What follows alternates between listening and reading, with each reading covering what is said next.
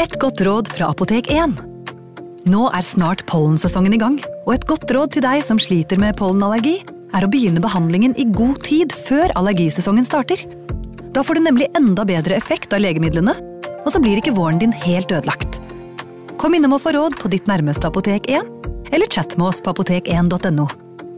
Apotek 1 vår kunnskap, din trygghet.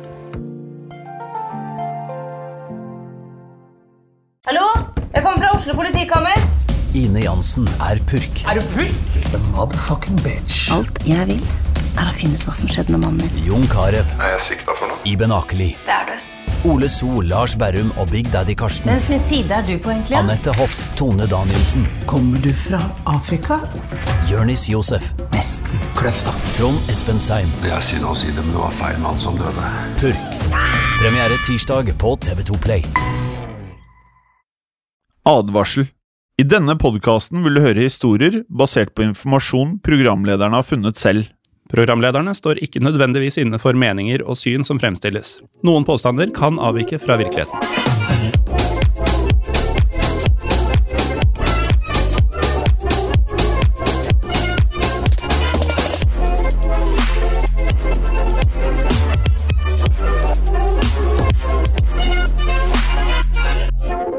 Hei og velkommen til en ny episode av Historiepodden. Mitt navn er Jim Fosheim. Og mitt navn er Morten Galaasen. Hei, Morten. Hei. Jim. I dag så skal vi prate om noe som uh, kunne vært i mange andre litt uh, skumlere, mørkere podkaster, kanskje. Eh, Ja. Men vi har valgt å ta for oss eh, dette i storbåten. Det har vi. Ja. Eh, For i dagens episode så skal vi da Vi har vært der før. Vi skal til Tyskland. Og som nevnt, denne gangen da for å snakke om noe som Jeg føler vel ikke vi har vært så mye innom det her i storbåten tidligere, kanskje? Nei, ikke ofte nok, i hvert fall. Vi skal snakke om noe av det mørkere og skumlere som fins, egentlig. Ja. Nemlig en seriemorder. Eh, Som det jo tross alt fins en del av da, opp gjennom historien, så det er nok å ta av. Ja, det er nok å ta av. eh, Men vi har jo snakket om noen. For eksempel så tok vi for oss H.H. Holmes, som da bygde dette eh, gåstein mordhuset i eh, Chicago. Ja, det var sjuke greier. det var syke greier. Jeg har alltid hørt om H.H. Holmes eh, som en, eh, en av de villeste seriemorderne, men jeg visste ikke i detalj hvor sykt setupet hans var. For Nei. det var jo egentlig en fabrikk for å ta folk av dage. Ja, Han tok uh, seriedrapene sine på ramme alvor. Det gjorde han, ass. Uh, men i dag så skal vi da snakke om en tysk seriemorder. Uh, og han var da spesielt aktiv tidlig på 1900-tallet. Ja, og han er tysk, som du sier, så han heter da Peter Kurten. Eller Peter Kurten, om du vil. Kurten. Mannen som av pressen fikk kallenavnet Der Vampyr von Düsseldorf. Eller Vampyren fra Düsseldorf, eller Düsseldorf-vampyren, som han da ville sagt på norsk. Og Kurten han var um, så bestialsk at han bl.a. forsøkte å drikke blod fra ofrene sine, eh, noe som selvfølgelig gjorde han spesielt berykta. Ja, det er ganske hardt alt som eh, går på å konsumere eh, et menneske Et eller annet som har vært i eller på et menneske. Ja. Um, og Düsseldorf var da byen i Tyskland der Kürten eh, begikk de fleste avdrapene sine.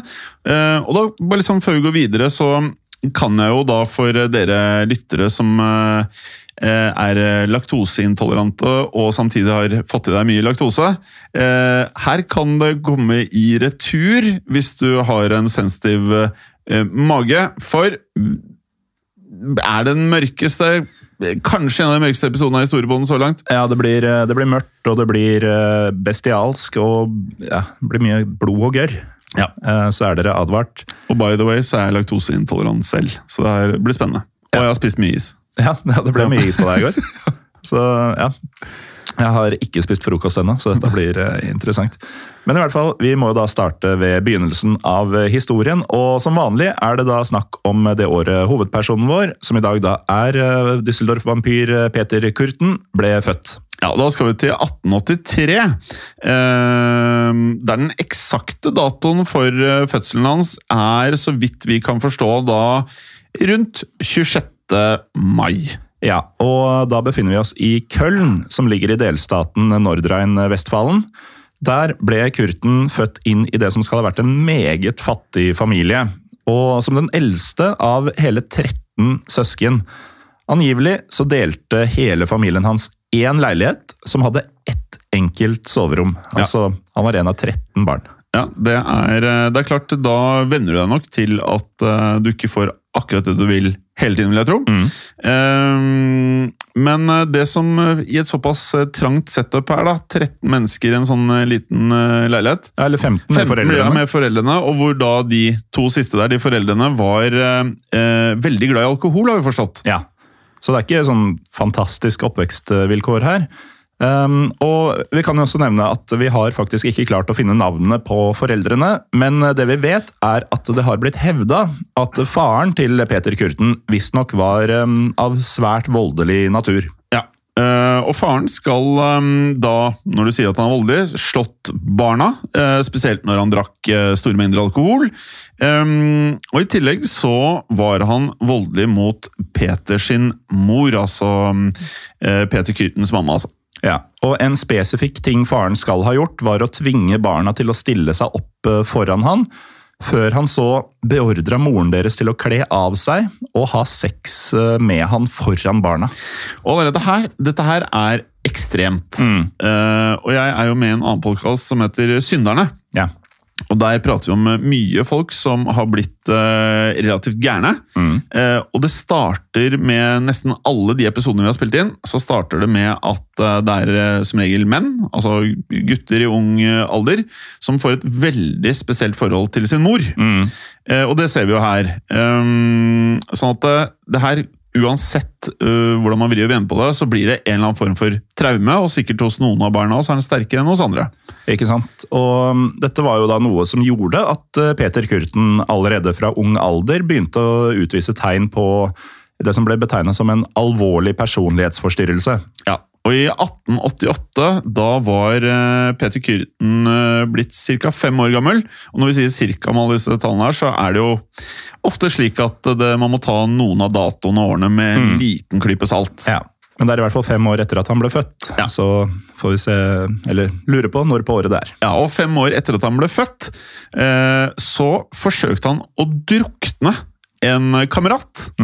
Det er tidlig, tidlig. Eh, og noen år senere, ca. ni år gammel, så ble Kyrten visstnok venn med en eh, lokal hundefanger. Mm. som vi da vel egentlig aldri har funnet eh, navnet på. Nei, men det vi har funnet er at uh, denne hundefangeren ofte skal ha torturert hundene han fanga, før han da drepte dem. Eh, noe Peter Kurten antagelig eh, da var med på å gjøre. Altså Når han fire år tidligere prøvde å drukne en kamerat, og han da får en venn som torturerer hunder Det er, eh, det er mye eh, ting som starter veldig tidlig her. Ja, så Jeg lurer veldig på det samfunnet når du hørte hva slags person faren var. Ja. Eh, og så har du der i tilfelle en voksen mann som liker å torturere hunder. Som da blir venn med et barn på ni år og tar med dette barnet på å torturere og drepe hunder med deg. Ja, det er ganske spesielt. Husker du den episoden om The Iceman? Um, da var det også sånn ganske tidlig alder så begynte han å i gåstegn leke med, med, med dyr. Og så gikk den leken litt langt, og så begynte han å pine de. Han ønsket å se hvor mye de tålte, og så begynte han å drepe de, og gjerne drepe de på ganske spesielle måter. Dra de, slepe de til biler, eh, kaste ut av vinduer for å se hva som faktisk skjedde med Ja. det fysiske um, dyret. da. Ja, og um, Kurten hevda jo faktisk senere da, at uh, han begikk sine to første drap uh, på mennesker allerede som niåring, altså på den samme tiden som han hang med denne hundefangeren.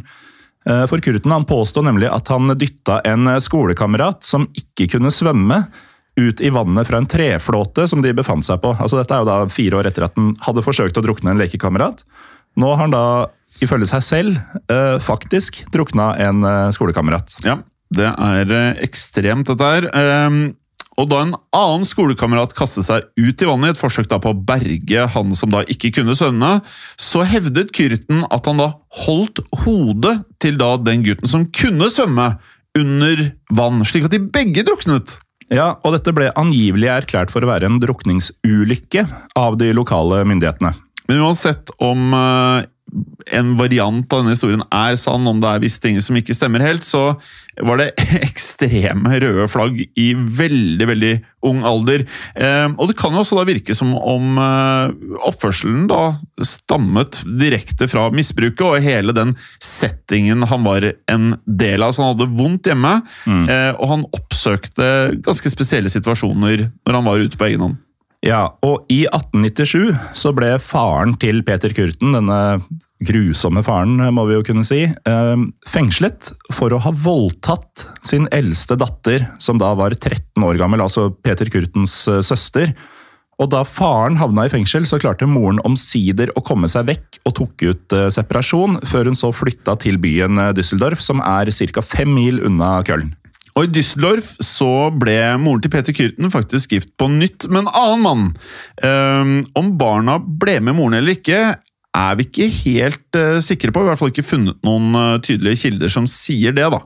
Nei, men det som er klart i kildene, er at eh, farens arrestasjon ikke hadde en formildende effekt på Peter Kurten. Han utvikla seg heller til å bli mer og mer ekstrem i oppførselen. Ja, Og som 13-åring så fikk Kyrten en slags eh, kjæresterelasjon med en jente som eh, skal ha vært på ca. hans alder. Noe som da skal ha utløst eh, et voldsomt seksuelt begjær i Kyrten. Ja, Som også skal ha vært eh, undertrykt eh, fra tidligere. Altså, vi nevnte jo at han har jo sett eh, voldsom seksuell oppførsel allerede som lite barn. Det er umulig å ha Altså, det er vanskelig å forstå hva som er normene da, når du har opplevd de tingene her. Men denne kjæresten, da, altså den 13 år gamle jenta, hun var jo ikke klar til å fullbyrde forholdet og eh, pleie disse undertrykte begjærene i Peter Kurten. Så Kurten skal ha tatt dette begjæret sitt ut på ekstreme måter. Ja, eh, Nærmere bestemt, Morten, så eh, ble dette begjæret brukt på dyr. Mm. og Kurten skal ha utført eh, bestial, bestialske handlinger, må vi nesten kunne si at det er. Ja, Som rett og slett er seksuelle handlinger med dyr. Og han skal da ha utført dette mot eh, flere dyr. Eh, blant dyrene som vi har funnet eh, frem til, så er det sauer, det er griser, geiter, og, og gjerne egentlig det han fant i eh, nærområdet. Ja, I de lokale stallene. Ja, ja, nettopp. Han begynte i økende grad å også kutte og knivstikke dyrene mens han da hadde sex med dem. Ja, og På samme tid så droppa Kurten ut av skolen i en alder av 16 år. Tydeligvis så hadde han fortsatt kontakt med faren, ettersom faren da oppfordret Peter Kurten til å bli metallarbeiderlærling. Ja, Men det skulle ikke bli en langvarig karriere, for etter to år som lærling så stjal nemlig Kurten Kyrten alt han kunne finne av penger hos familien og hos arbeidsgiveren. Og deretter så rømte han hjemmefra og tok seg til en by ved navn Koblenz, eh, som er ca. 15 mil unna Köln, der han da vokste opp. Og I dag så ville det vært en eh, biltur på ca.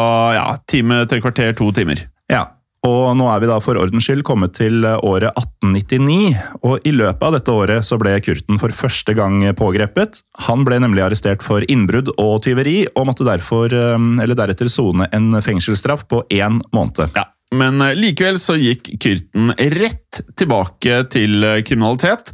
Eh, når han da slapp ut av fengselet. da. Og Det neste året så ble nemlig da, og da var Kyrten blitt 19 år gammel, så ble han da arrestert for bedrageri. Eh, men ikke bare én, men to forskjellige hendelser. Uten at vi vet hvilken form for bedrageri det var snakk om, så er det det kildene sier. Eh, I tillegg så ble Kyrten også siktet for eh, tyveri, og også mordforsøk. Ja. Uh, og ettersom han da skal ha prøvd å skyte en jente Altså, han skal ha prøvd å bare skyte en dame, vi vet ikke helt uh, settingen, men uh, det var i hvert fall mordforsøket. Men han har jo allerede drept, da. Ja, Han hevda jo selv i hvert fall at han hadde Mm. drept disse to barna tidligere.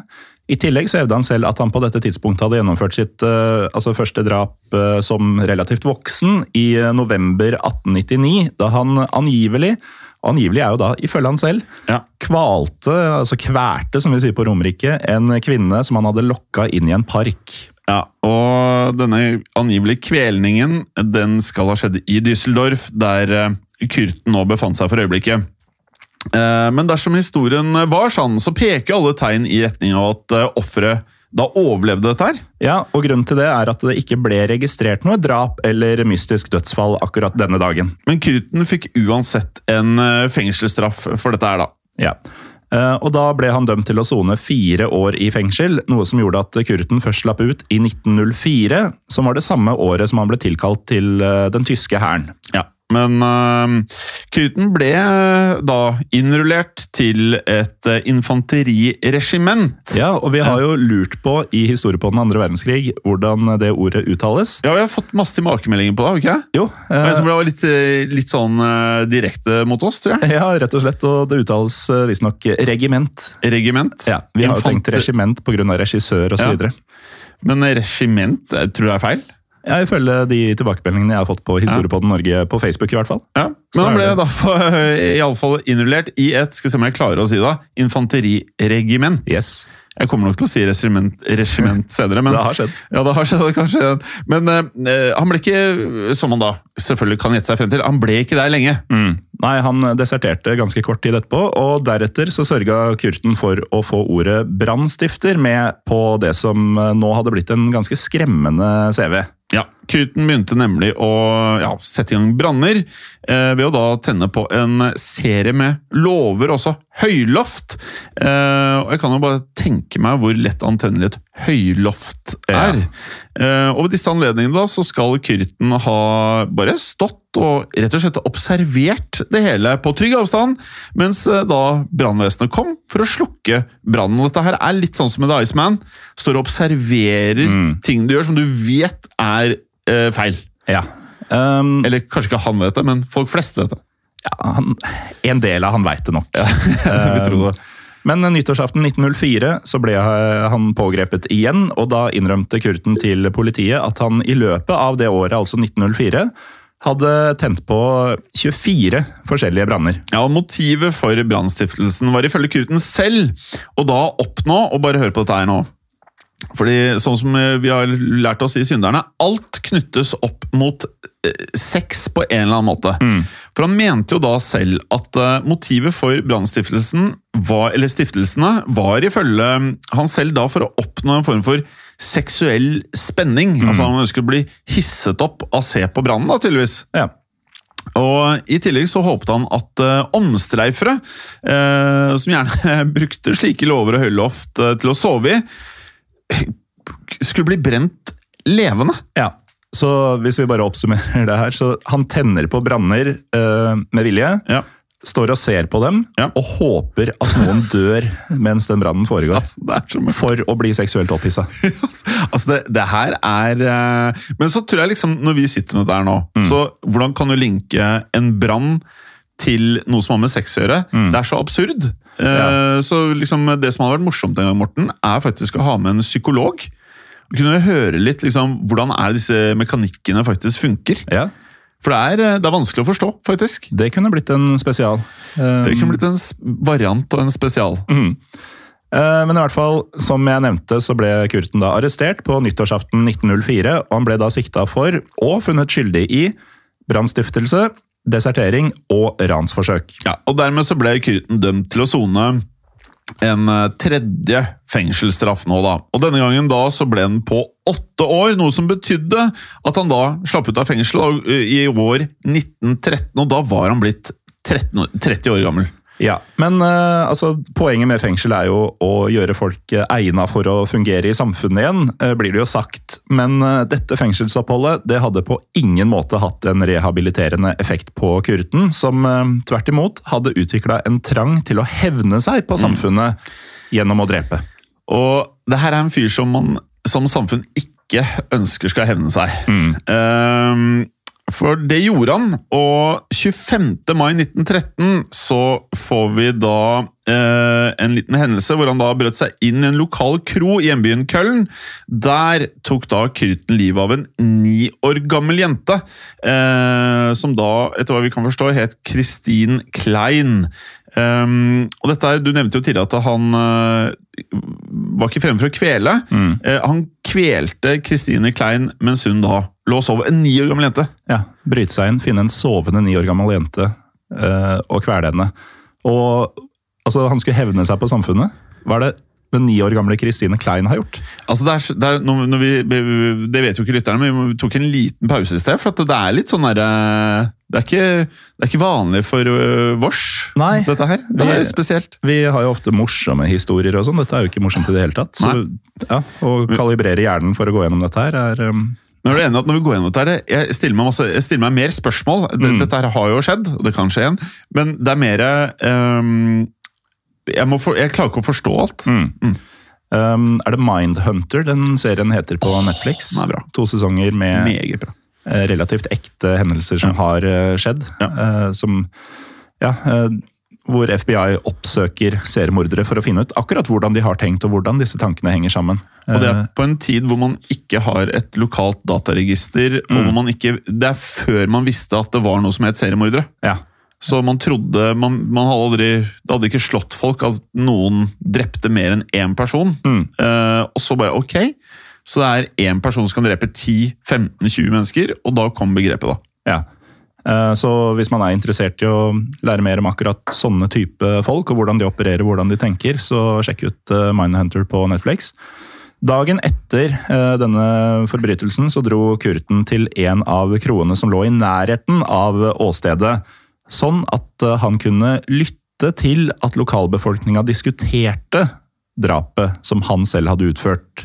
Og Kurten fortalte senere at han fikk en følelse av tilfredsstillelse av å høre på sinnet og sorgen og frustrasjonen til folk over det forferdelige som hadde hendt, som han da selvfølgelig visste selv at det var han som hadde utført. Og dette likte han så godt at uh, mønsteret det gjentok seg. For to måneder senere så brøt Kyrten seg inn i et uh, hjem da, i Düsseldorf for å stjele sikkert litt verdisaker. da.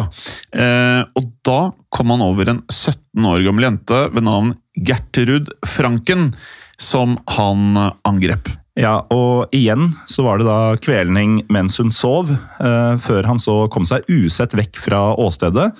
Men eh, Gertrud hun overlevde dette drapsforsøket, eh, og man må da anta at Kurten hadde forlatt åstedet og trodd at hun var død. Mhm. Eh, For kun noen dager etter dette drapsforsøket så ble Kyrten igjen fengslet av fjerde oppholdet, så vidt vi kan forstå.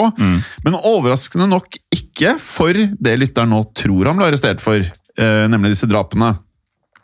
I stedet ble Kyrten nok en gang dømt for brannstiftelse, innbrudd, eh, og han mottok da en eh, fengselsstraff på ca. seks år. Ja, og Denne gangen så sona Kurten straffen sin i et militærfengsel. Men eh, altså, Det er jo en del sånn snakk om at man slipper ut tidlig for god oppførsel. Mm. her var det gjentatt dårlig oppførsel i fengselet, som gjorde at eh, Kurten ble nødt eh, til å sone to år ekstra. Sånn at den totale straffen denne gangen igjen kom opp på åtte år, som han jo satt også forrige gang han var i fengsel. Ja, Det betyr jo også at han da slapp ut for fjerde gang, eh, omsider. Og da skrur vi klokken frem til april i 1921. Som betyr at i løpet av dette fengselsoppholdet så har første verdenskrig starta, Ja. foregått Ja. og blitt avslutta. Helt riktig. Eh, og da hadde Og nå er han jo snart 40, han er 38 år gammel. Eh, og han har jo da, i løpet av sine 38 år, da sonet 20 år i fengsel, også over halve livet. Ja, Sitter mer i fengsel enn han har vært eh, fri. Mm. Eh, og dette her tror jeg ikke bidrar for han. Jeg tror han får mye tid til å tenke på de tingene som han drev med, de tingene som tilfredsstilte han, og hva han da skal gjøre fremover. Det er veldig lite som tyder på at han ble rehabilitert eh, denne gangen. Ja, for på dette tidspunktet så var det jo sånn at noen mente at eh, det kunne være rimelig å anta at han hadde fått livet på rett kjøl, i motsetning til hva vi kanskje da ville antatt. Ja, så På overflaten så kunne noen få det inntrykket. eh, For han eh, flytta nemlig til byen Altenburg, som ligger sentralt i Tyskland, for å bo sammen med en av søstrene sine. Denne søsteren er dessverre ikke navngitt i kildene våre. Ja, og der fikk Kyrten angivelig for første gang i livet da en fast jobb. Og nå er han da nesten 40, altså. Ja. Um, han fikk en stilling som byråkrat i en fagforening. Um, og I tillegg så ble Kyrten også forlovet. Det skjer mye ting her som er kanskje for mange overraskende, for dette her minner jo om noen som begynner å få litt sånn dreisen på det å leve i et samfunn. Ja, jeg tenker Dexter Morgan er ganske umiddelbart nå. uh, og denne forloveden var en kvinne som han da møtte gjennom søsteren. Eh, og hvordan det gikk. Eh, for man kan jo tenke seg til at det er mer. Det er ikke, at det ikke bare er at han levde lykkelig alle sine dager. Mm. mer om dette skal du få høre etter en kort pause. Velkommen tilbake. Før pausen så snakka vi om at eh, Peter Kurten hadde forlova seg, og den eh, utvalgte kvinnen het Auguste Schaaf og var tre år eldre enn eh, Kurten. Og etter hva vi har eh, funnet, og hva vi kan forstå, så var eh, Auguste en tidligere prostituert som på dette tidspunktet drev en godteributikk. Og Auguste Schaaf hadde også tidligere blitt eh, dømt for å ha skutt og drept sin forrige forlovede. Altså, Så her er det litt av et par, altså. altså det her er et dødelig par. Det er, husker du den filmen Mr. og Mrs. Mrs. Smith? Ja. Det er uh, krutt i disse her, altså. Eh, men dette her åpenbart skremte jo ikke vekk Peter Kyrten. Neida. Eh, som da giftet seg med Auguste Schaff i 1923.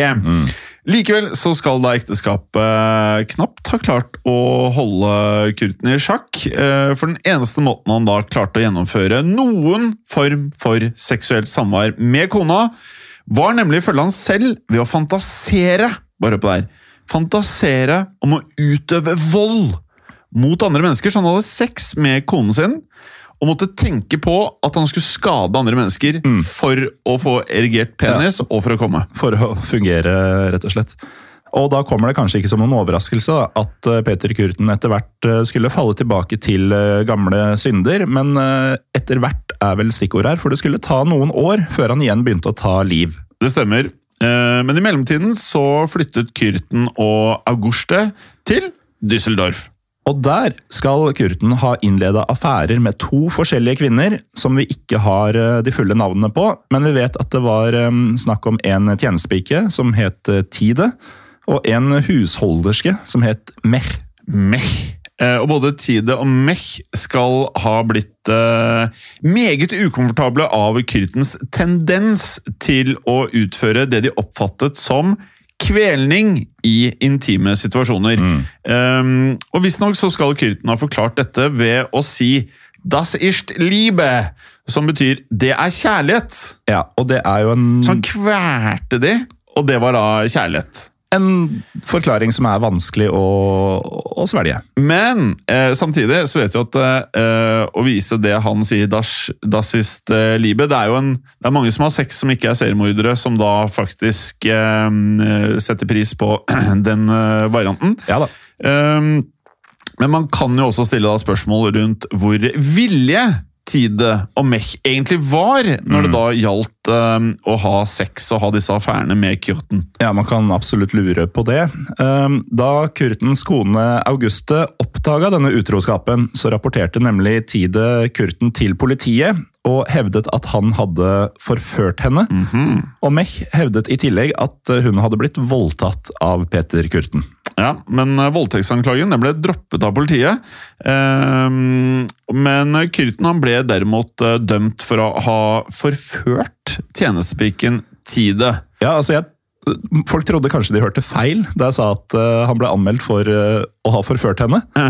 Det er Ja. ehm, fordi at det, å forføre var tydeligvis straffbart i Tyskland på den tiden. Jeg skjønner ikke helt den loven. Hvordan er det man da uh, flørte med noen, eller hvordan Nei, Det er kjemperart, men eh, altså, på denne tida så var forføring straffbart i eh, Tyskland. Men ikke minst så ble Peter Kurten eh, dømt ikke bare for eh, forføring, men også for å ha utvist truende oppførsel. Eh, noe som til sammen da ga Peter Kurten fengselsstraff nummer fem. Ja. Men eh, dette var ikke nok, altså verken utroskapen eller dommen, eh, til å skremme vekk kona Auguste, som faktisk forble gift med Peter Kurten. Ja, De to virker som de hadde noe helt spesielt, ja. Mm. Denne gangen så det ble en eh, relativt kort soning. For han fikk vel i underkant av et år. Eh, Vi har lest oss frem til åtte måneder i fengsel. Ja, og Av disse så sona han faktisk bare seks måneder før han slapp ut tidlig, på den betingelsen at han måtte forlate Düsseldorf. altså, du, du kan slippe ut av fengselet, men da skal du du får, du får ikke være i denne byen lenger. Men det du også sier, er bare problemet for noen andre sitt, liksom. da. Det er jo ikke så bra, det heller. Nei, ikke sant? Um, men dette kravet da på at uh, jo da, du kan slippe ut to måneder før uh, hvis du forlater byen, Eh, Det fikk Kurten eh, anket, eh, sånn at han faktisk kunne fortsette å bo i byen. Eh, Og dette her, eh, lite overraskende, skulle få fatale konsekvenser eh, for eh, Düsseldorf og innbyggerne i Düsseldorf. Ja, definitivt. Vi er nå kommet fram til 1929, eh, og den 3. februar i 1929 så fulgte Kurten etter en eldre kvinne denne gangen, ved navn Apollonia Kuhn, som eh, da gikk gjennom Düsseldorfs gater. Eh, Kurten skal så ha kasta seg over Apollonia og dratt henne inn i et kratt, før han da gikk løs på henne med en saks og forårsaka 24 dype stikk. Og så har du stabbet en person 24 ganger. Man, man leser jo om sånne i avisen også, sånne der, eh, noen som har 10-20 stikkskader. da. Mm. Det er helt vanvittig. Da virker det som at man bare mister det. Ikke sant? Eh, Men det er et eller annet rart her, fordi du husker hun eh, 17-åringen i senga som han kvalte, mm. som viste seg å overleve? Eh, Skulle jo også tro at 24 stikk eh, er nok til å ta livet av den eh, eldre kvinnen. Man skulle tro det, men utrolig nok så overlevde Apollonia Kyn eh, hele eh, angrepet. Eh, uten at eh, dette gjorde at eh, Kyrten ble tatt for gjerningen. For kun fem dager senere, eh, da vi kom til 8. februar, så angrep og drepte Kyrten og det er veldig mange av disse her som faktisk er ni år gamle. Eh, han drepte da Rosa Olinger eh, på meget brutalt vis. Ja, altså vi har hørt at det var brutalt eh, og grusomt, men vi har ikke fått detaljene på det. Eh, Men fem dager etter så tok Kurten enda et liv. Eh, Så det var da dette angrepet på Apollonia ti dager før. Ja. Eh, Et fælt drap på denne ni år gamle jenta fem dager etter det. Og så Og vi, fem vi, dager valgt, etter vi har valgt å ikke beskrive alle tingene.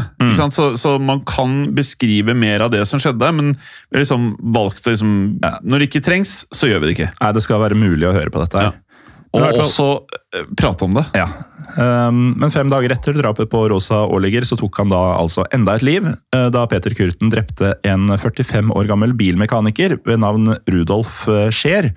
Eh, Og igjen så var det saks eh, som ble brukt. Um, Denne gangen var det 20 sår som ble påført eh, Rudolf.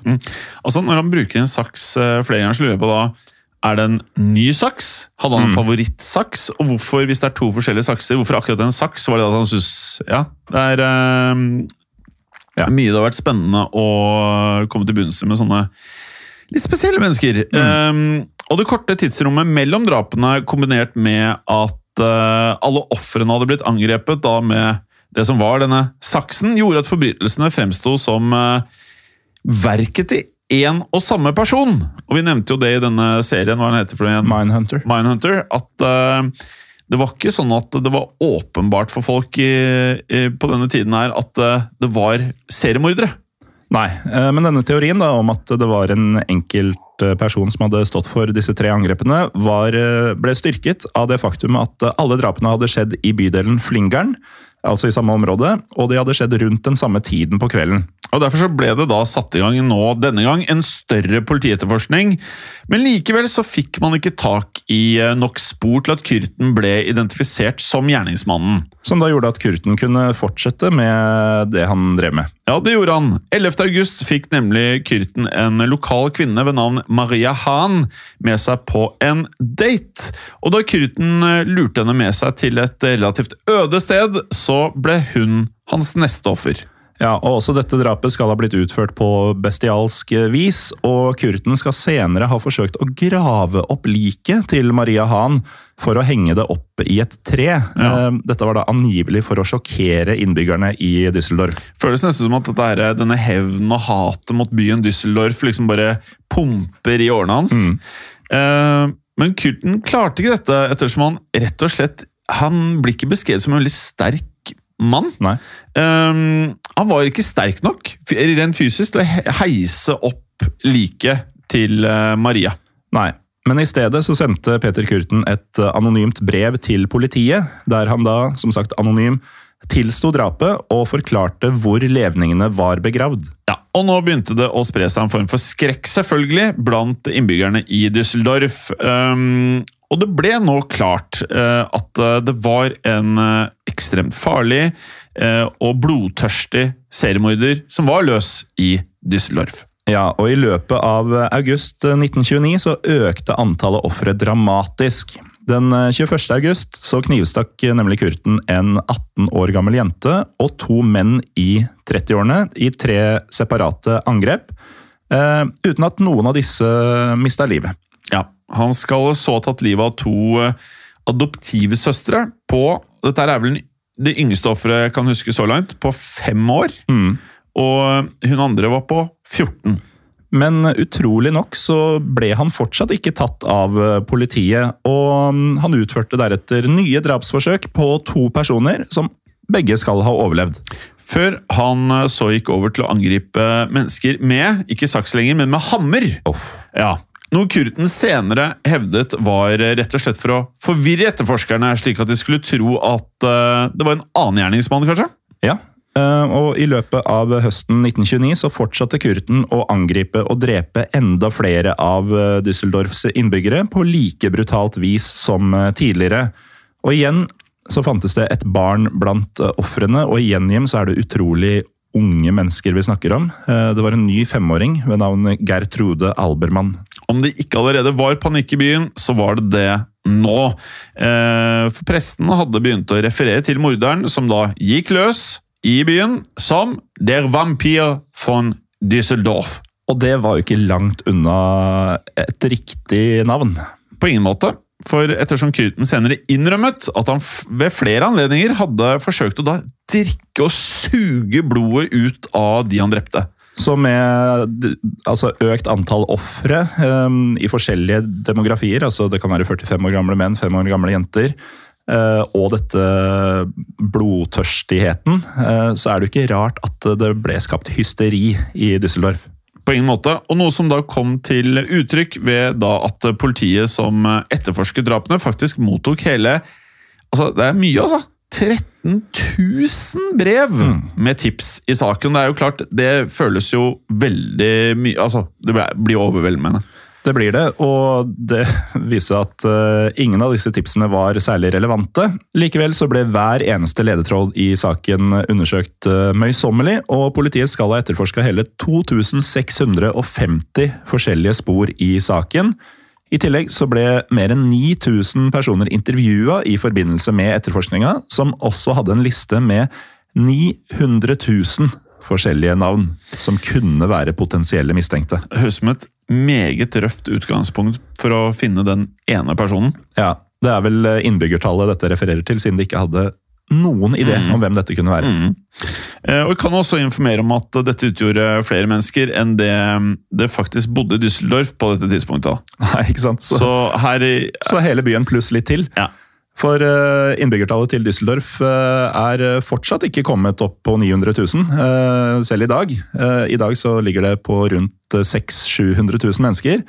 Og det var jo færre på Kurtens tid. Ja, så når, når vi er litt sånn der, vage i disse tallene her, og det er rett og slett for at uh, Kildene er også litt vage, og mm. det sies forskjellige ting, men uh, det er også da de uh, mulige Altså, listen over mulige navn var flere enn det var innbyggere i Düsseldorf. Ja, det er poenget. Langt flere. Ja. Um, men til tross da for denne enorme politijakten som uh, nå hadde fått uh, nasjonal oppmerksomhet, selvfølgelig, så skulle Kyrten ikke bli tatt før langt inn i året 1930.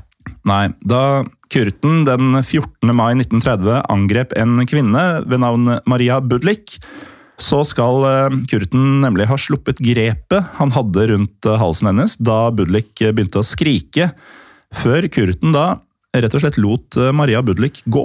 Ja, men tidlig denne kvelden så hadde da Kurten faktisk lurt Budlik med seg hjem, servert henne middag, før han da hadde tatt henne med seg til en lokal skog. Og grunnen til at Kyrten deretter lot henne gå, var ifølge Budlik at hun fortalte Kyrten at hun rett og slett ikke klarte å huske adressen hans. Og da var det ikke farlig å slippe henne, liksom? Nei. Men uh, det Budlik hadde fortalt Kurten om å ikke huske adressen, det var en løgn. For hun gikk rett til politiet og leda etterforskere til leiligheten som Peter Kurten bodde i. Og Politiet mistenkte nå at de hadde funnet eh, Düsseldorf-vampyren, og fikk også bekreftet eh, Kurtens navn fra kvinnen som eide boligblokka der Kurten bodde. Men Kürten var ikke hjemme på tidspunktet hvor eh, politiet da først dukket opp. Kürten skal derimot ha gått inn i bygningen da etterforskerne faktisk da var på vei ut. Og Kurten, han gjenkjente da Bydlik, eh, noe som da gjorde at han snudde tvert, gikk ut igjen, uten å ha blitt sett. Så da virker det som at eh, Bydlik var med politiet til adressen, som føles relativt urutt. urutt ja. Eh, Og da skjønte jo Kurten at det nå var en fare for at han hadde blitt avslørt, og at politiet muligens hadde identifisert han som Düsseldorf-vampyren. Så derfor så venta han til at eh, politiet hadde forsvunnet, før han tok seg inn i leiligheten sin igjen. Ja, og der tilsto Kurten til eh, kona, så han er jo fremdeles eh, gift, eh, altså Auguste, at han da hadde voldtatt Maria Budlik. Og Kurten fortalte også til Auguste at han risikerte rundt 15 år i fengsel med straffarbeid pga. at han eh, var tidligere dømt en rekke ganger. Ja, og altså, Vi har fortalt mye om at eh, Auguste har eh, blitt værende gjennom mye greier. Eh, Også denne gangen så, så blir Auguste ikke skremt vekk, og paret bestemte seg derfor for at Kurten skulle leie et mindre rom et annet sted i byen, der han kunne skjule seg.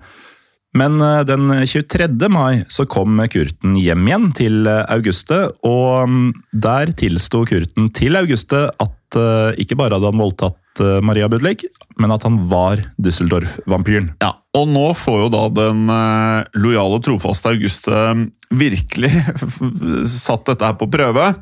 Men eh, de to ble enige om at Auguste skulle da ta kontakt med politiet og fortelle hvor kurten befant seg. Noe som da ville sikre at Auguste ville motta det vi da kan forstå ville vært en betydelig eh, eh, summe penger som belønning.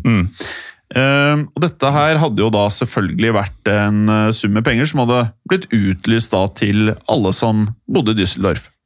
Ja, og um, neste dag, altså den 24. mai 1930, så ble dermed Peter Kurten arrestert, og kona Auguste hevda da til politiet at hun ikke hadde hatt kjennskap til drapene Kurten hadde begått, før han tilsto til henne dagen før. Ja, og Da Kürten ble avhørt, så tilsto han alt sammen. han.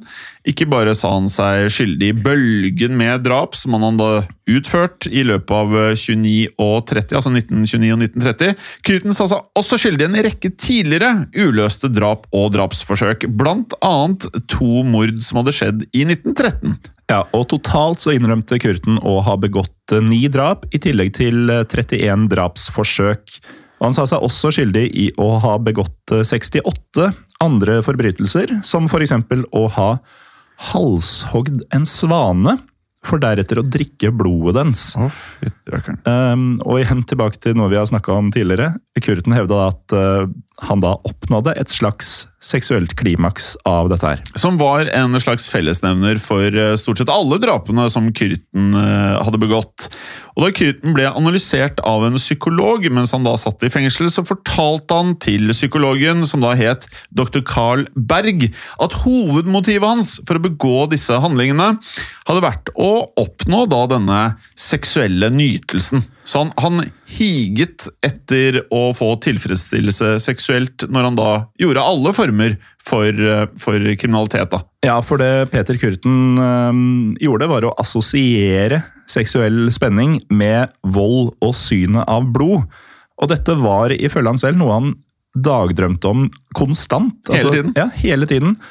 Og Kurten tilsto også at han hadde utført um, sexhandlinger på ofrene, ofte etter at de hadde blitt uh, drept. Men Kurten fortalte også til dr. Berg at eh, motivet hans hadde vært å hevne seg på det Kurten hevdet var et eh, undertrykkende samfunn, som han da mente hadde behandlet ham urettferdig pga. de da gjentatte fengselsdommene hans. Ja, altså, Jeg kan jo til en viss grad eh, skjønne at han er sint på samfunnet og føler seg urettferdig behandla, men ikke pga. fengselsdommene. Altså, heller pga. oppveksten hans. At, eh, hvordan kunne samfunnet la han eh, bo med den faren og i de kårene der? Mm. Um, fengselsdommene var jo mildt sagt eh, velfortjente. Men eh, ikke minst så hevda Kurten at forbrytelsene hans hadde vært en form for hevn da, for nettopp misbruket som han hadde opplevd i løpet av oppveksten. Så han hadde mange forklaringer på hvorfor han gjorde det som han gjorde. Ja, og Der er jo garantert enda mer sammensatt enn det vi klarer å beskrive. Mm. kan også føye til at Kyrten eh, videre fortalte at han hadde gjennomført eh, mesteparten av angrepene sine på kvelder, der kona Auguste hadde jobbet eh, kveldsskift, noe som da styrket troverdigheten hennes, da hun da hevdet å ha vært uvitende om at Kyrten var vampyren. Ja, og som seriemorder, da, som han jo var, så ble Kyrten naturligvis tiltalt for nettopp de forbrytelsene. Og doktor Berg han konkluderte med at Kyrten ikke ikke var eh, sinnssyk, og at han var tilregnelig for handlingene sine. Noe som da gjorde at Kurten kunne stilles for eh, retten. Ja, og rettssaken som fulgte, det ble et uh, ja, mediesirkus. Mm. Mens vi spiller inn nå, så er det jo et annet uh, mediesirkus med Johnny Depp. Mm. så på denne tiden her så var dette her noe som ble blåst opp i aviser, folk snakket om det på gatene, og folk hadde jo levd i frykt i lang tid. Ja. og Kyrten han ble jo da stilt for retten i et stort jernbur. Som man da kunne tenke seg at er for å beskytte andre i rettssalen? Ja, men eh, det skulle egentlig hindre da rasende pårørte. At de ikke skulle gå løs på han. Ja. ja. Og selv om han i utgangspunktet hadde tilstått til politiet, så forsøkte likevel Peter Kurten under rettssaken å hevde at han var sinnssyk og dermed utilregnelig i gjerningsøyeblikkene. Ja, Noe som ble avvist av alle psykologer og leger som da vitnet under rettssaken. Og etter hva vi kan forstå, så skal disse fagpersonene ha vært blant Tysklands fremste innenfor sine respektive felt. Og doktor Carl Berg, som da hadde intervjuet Kyrten i fengselet, fortalte da at han anså Kyrten for å være en jeg har ikke hørt begrepet tidligere, men seksuell psykopat. Mm. Um, for han ga da Kyrtens uh, forbrytelser betegnelsen lystmord, som da betyr murder, på, engelsk 'murder for pleasure' eller 'drap for fornøyelse'. Mm. Og dermed var det ingen overraskelse at Kyrten ble funnet uh, skyldig.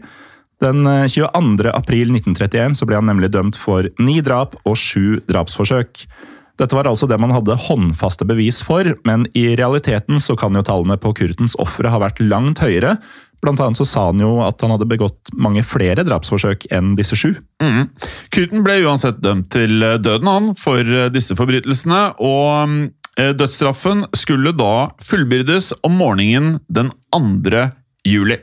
Ja, og Kvelden før henrettelsen så mottok Kurten det som skulle bli hans eh, siste måltid i fengselscella si, som for øvrig var i fengselet Klingelputz i byen Köln, der han da hadde blitt født og vokst opp de første årene sine. Ja, og Der eh, skulle Kyrtens siste måltid bestå av wienerschnitzel, stekte poteter og en flaske med rødvin. Det er jo et godt valg, men som siste måltid tror jeg jeg hadde gått for um, noe litt hvassere, kanskje. Jeg hadde kjørt uh, taco.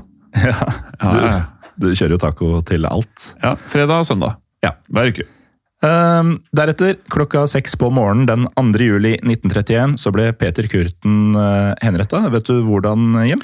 Jeg mener det var uh, med et verktøy som ikke lenger er i bruk, så vidt uh, meg bekjent. I hvert fall i vestlig verden. Ja, det er nesten overraskende at uh, dette foregikk såpass seint i historien. Vi er altså i 1931, og Peter Kurten han ble halshugget med giljotin. Ja, det, altså Bare det visuelle med det er ekstremt. da, Huet bare ruller, Hvis du ikke har kurv, så bare ruller det bortover. Mm. Um, og rett før han da skulle uh, miste hodet i, eller under giljotinen, så skal Kyrtens siste ord ha vært noe sånn som følger. Sag mir nachdem mein Kopf abgehackt ist, werde ich zumindest für einen Moment und noch das Gerauch meines eigenen Blütes hören können, das aus dem Stumpf meines Halses sprudelt. Das wäre das Wägungen, alle Freuden zu bedienen. Ja, uh, heldigvis så har jeg foran meg hva dette skal ha betydd uh, på norsk, nemlig noe som følger. Fortell meg, etter at hodet mitt er hogget av, vil jeg fortsatt kunne høre, i det minste i et øyeblikk, lyden av mitt eget blod som strømmer fra stubben i nakken min. Det ville være gleden for å avslutte alle gleder. Det er så hardt. Det er så hardt. Dette her er eh, det her, han, han, der, der var litt annerledes enn oss to. Ja, altså Dette var et spørsmål han hadde til eh, antagelig til bøddelen sin. Om, ja. Om det er sånn at jeg vil kunne høre den lyden eh, før livet er over. Jeg vil anta at bøddelen eh, ikke vet noe som helst om det. Nei. Eh, Etter henrettelsen ble Kyrtens hode delt i to! De delte i huet hans i to. Ja. Og så mumifiserte de det. Så hjernen hans ble deretter studert i et forsøk da, på å finne en forklaring eh, til oppførselen hans. Eh, men man fant vel egentlig ikke noe tegn, så vidt vi kan forstå, på noen Ja, det var vel ikke noe unormalt å observere ved selve hjernen. Nei, jeg vet ikke hvor mye du kan lære av å se på en hjerne. Jeg, jeg vet i hvert fall at eh, jeg er veldig, eh, veldig opptatt av dette her fenomenet med at i idrett så er det veldig mange som får hjernerystelse. Og da kan du ved forskjellige scans se det de kaller for black spots. Som da er rett og slett at du får det er eh, skade på hjernen, da, og som kan da føre til at mange av disse amerikanske fotballspillerne kjører i motsatt retning på highwayen og, og dreper folk. Men eh, det blir enda rarere, Jim. Fordi eh, hodet til Kurten, etter at de hadde blitt ferdig med å eh, undersøke hjernen hans, så ble hodet frakta til USA etter andre verdenskrig. Og sånn vi har forstått det, så står dette hodet utstilt i dag på Ripley's Believe It or Not i delstaten Wisconsin. Altså museum. Mm. Ja, det er jo en variant. Det er en variant. Ja. Uh, og helt til sist så kan jeg da føye til at uh, hvis noen er glad i film, som jeg vet at mange av lytterne våre er, så fungerte faktisk uh, Kyrtens forbrytelser som inspirasjon til en klassiker. Um, en tysk film med tittelen M. Av mesterregissøren Fritz Lang, som da kom ut bare to måneder faktisk etter at Kyrten ble henrettet, altså i 1931. Ja, og denne filmen M av Fritz Lang i 1931 er faktisk i dag eh, å finne på pensum i visse kurs i filmhistorie. Som en banebrytende film innen sjangerne noir, skrekk og thriller. Altså, nå er vi ved veis ende uh, i Düsseldorf-vampyren. Vi har jo valgt da å Tro dere det, kjøre en mild versjon. Altså, Vi har ikke vært veldig sånn Vi har ikke beskrevet mye av det villeste han gjorde. Uh, men vi kan uh, si det sånn at hvis man ønsker å få en enda mindre sensurert variant av dette her, så er det faktisk bare å begynne å google. Og lese om drapene, så er det, det er ganske heftige saker. Men jeg føler at det å beskrive det i mer detalj, det hører mer til Synderen av True Crime-podden, de podkastene der, enn i Historiepodden. Vi går gjennom historien her, og det her er veldig fascinerende. En fyr klarte da altså å spre frykt en hel by over leng lengre perioder. Ja, øh, og hvilken frykt. Ja. Altså panikk og hysteri. eh, grunn. Definitivt. Ja. Um, følg oss gjerne på Instagram og Facebook hvis du ikke allerede gjør det. Vi, uh, vi heter Historiepodden Norge. Ja, og vi har en Facebook-gruppe sammen Ja. med flere andre podkaster som heter Historie for alle. Ja, Der um, eh, det er vel 5500 medlemmer eller. Nesten. Eh, Vi bikka 5300 faktisk i eh, går kveld. Mm. Ja. Så mm, vi vil gjerne bli Fem og et halvt. ja, Ja. etter hvert seks. Ja, sju, åtte og så videre. Ja. Eh, og så kan du rate oss på Spotify. Det går an. Vi er vel eh, Nå har mobilen foran meg her, i og med at vi spiller inn, men jeg mener vi var på rett under 1000. Mm. Så kan det være for alt jeg vet at vi har bikka det, men da er det jo liksom sånn, ikke sant? Da skal vi på 1500, da. Vi skal det. Og da kan du også, når du først er inne på Spotify og rater ting, Ja. så kan du jo, nå har du hørt ferdig denne, Ja. søke opp historiepodden WW2. Åh, du er god, altså. Da kan du både rate og høre på mer. Ja, og det, dette her har jo skjedd, selv om det kanskje høres for sykt ut til å være sant. Ja, Og det kan skje igjen, selv om også det høres for sykt ut til å Mest være sant. sannsynlig så har det skjedd igjen. Det foregår Sikkert. mye greier, altså. Akkurat nå mens vi prater. Nei, kanskje ikke. Ah, vi veit ikke. Det kan skje. Uh, uansett, ha det bra. Historiepodden ønsker å takke følgende. Dere som hjelper oss som sitter i produksjonen. Dere som hjelper oss som sitter i redaksjonen, inkludert eh, tekstforfattere. Er helt riktig. Og dere som sitter på marked, som faktisk da gir oss muligheten til å drive med Historiepodden. Og selvfølgelig alle dere som hører på. Tusen takk. Moderne media. Har du et enkeltpersonforetak eller en liten bedrift? Da er du sikkert lei av å høre meg snakke om hvor enkelt det er med kvitteringer og bilag i fiken, så vi eh, gir oss her, vi. Fordi vi liker enkelt. Fiken superenkelt regnskap. Hei, og takk for at du lytter til Historiepodden. Skulle du ønske at du kunne høre en ny episode av Historiepodden hver eneste uke? Vel, da er det én ting å gjøre. Da kan du laste ned podkastappen Untold med det samme. For i tillegg til ukentlige episoder av podkaster som Historiepodden andre verdenskrig, Henrettelsespodden og også Gangsterpodden, så får du masse annet reklamefritt og også eksklusivt innhold. Last ned Untold i AppStore eller Google Play og start din 30 dagers gratis prøveperiode allerede i dag.